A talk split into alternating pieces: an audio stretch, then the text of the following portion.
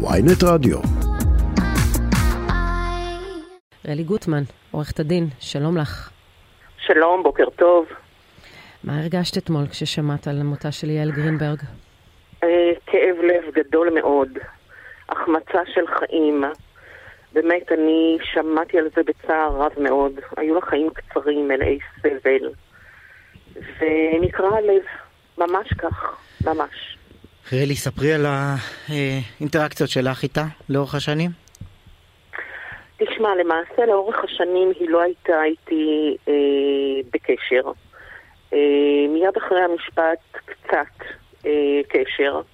אני יודעת שכל שיחה שלי איתה הזכירה לה את הפרשה, אה, הציפה מחדש את הדברים והקשתה עליה. ולכן אני מבחינתי השארתי לה אה, אפשרות לתקשר איתי, אבל היא לא תקשרה. אני חושבת שהיה לה קשה מדי לחזור לרגעים של המשפט, היא עברה סאגה מאוד מאוד אה, קשה ומורכבת בבית המשפט.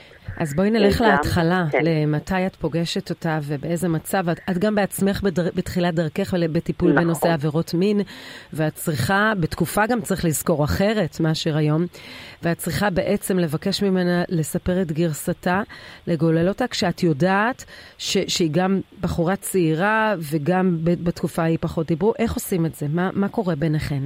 נכון, הייתי באמת פרקליטה אה, די חדשה בתחילת דרכי, פרקליטה של שנתיים, שנתיים וחצי בערך. כבר טיפלתי אמנם בעבירות מין, אבל זה היה תיק האונס הקבוצתי הראשון שקיבלתי לניהול. אה, הזמנתי אותה אליי לראיון.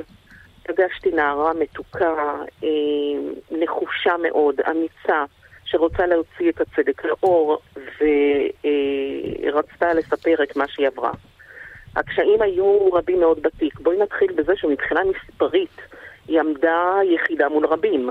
היא הייתה נערה אחת שהייתה צריכה לספר את מה שקרה לה עם שבעה אה, נאשמים ממול, כשכל אחד אה, דבק בגרסתו הוא, אה, לכל נאשם סנגור משלו. כל סנגור חוקר אותה במשך שעות ארוכות ואפילו ימים. אה, והסיפור היה סיפור קשה מאוד מאוד. אה, זה לא פשוט לעבור אה, את המשוכה של בית המשפט כאשר מדובר בנאשם אחד. תתארי לך שבעה נאשמים, שבעה סנגורים. כן. והתחושה בכללי של. התגייסות נגדה. זה הקיבוץ החליט לממן לנאשמים את ההגנה. הקיבוץ, נכון. הקיבוץ ו- כן, הוא מימן לנאשמים שלו, היו גם נאשמים שלא מן הקיבוץ, שהיו כן. חברים של חברי הקיבוץ, נכון. ונזכיר ש- ההתגייסות הייתה. שבסופו של דבר הם זוכו במחוזי מחמת הספק, ורק בערעור לעליון אה, נכון. הם הורשעו, וגם את ה- נכון. גם עם הידיעה הזאת היא נאלצה להתמודד. ה- ה- ההחלטה שלה, את זוכרת את, ה, את התגובה שלה ו, ושלך אחרי הזיכוי במחוזי? אני הייתי בהלם מוחלט. אני לא האמנתי בחיים שיכול לקרות דבר כזה. אה, הנאשמים אה, קשרו את עצמם למקרה. הם אמרו שהם קיימו איתה יחסי מין. הם טענו שזה היה בהסכמה. זה היה מופרך אה, מכל בחינה שהיא, שהיא הסכימה לסאגה שהייתה. אה, ובכל זאת בית המשפט אה, בחר אה, בצורה אה, מאוד אה, מקוממת, מזעזעת, אה, לזכות אותם, ואמר שכשהיא אומרת לא, למה היא מתכוונת. צריך לזכור היה פירש את החוק, לא. מה שהיום נראה לנו ברור ולכל אישה ברור שלא צריכה להיות הסכמה מפורשת, הדבר הזה בוער רק בעליון, כלומר בשלב שבו מ- מנתח את החוק, אה, לתפיסתו נזקקת לצורך העניין הסכמה מפורשת, מה שאחר כך משתנה והופך להיות תקדים, וכולנו שרון, כמובן... בית אה, המשפט, כן, בית המשפט העליון אה, בפסק הדין של תיק שומרת קבע פרזומפציה משפטית, הנחה משפטית, שלא יכול להיות שנערה בת 14 שמוקפת בשבעה אה, בחורים גדולים ממנה, מקיימת יחסי מין עם כולם בצוותא חדא, כשאחד צופה והשני נוגע בה והשלישי מגחך, לא יכול להיות שזה בהסכמה. יותר מזה, בית המשפט העליון קבע שאין צורך בהתנגדות פיזית. נכון. התנגדות אמיתית, אלא מספיק אה, שאין הסכמה. ולא זו בלבד, אלא שכל מי שרוצה לקיים יחסי מין צריך לחפש וצריך לקבל את ההסכמה. ואם יש ספק, זה אונס. ואי אפשר לעצום עיניים ולהגיד, לא ידעתי, אולי כן, אולי לא. Once אתה עוצם את עיניך, הרי אנסת. אבל זה כמובן יתברר בעליון. אתם, אתם מחליטות, זה, זה ברור לכם? זה נקבע בבית המשפט כן. העליון, כן. ובעקבות זה שונתה החקיקה, נכ... שונתה הפסיקה, וכל נורמות ההתנהגות אה, השתנו.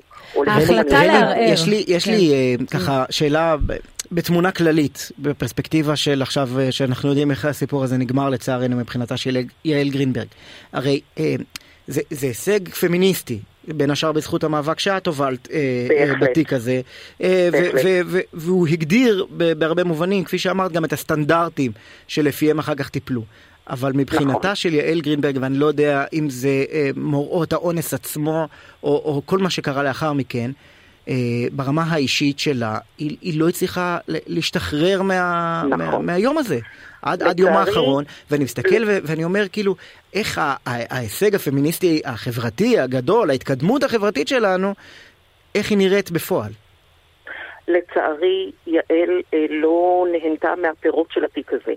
היא לא הצליחה להשתחרר ממה שהיא עברה, היא נותרה מצולקת לעד.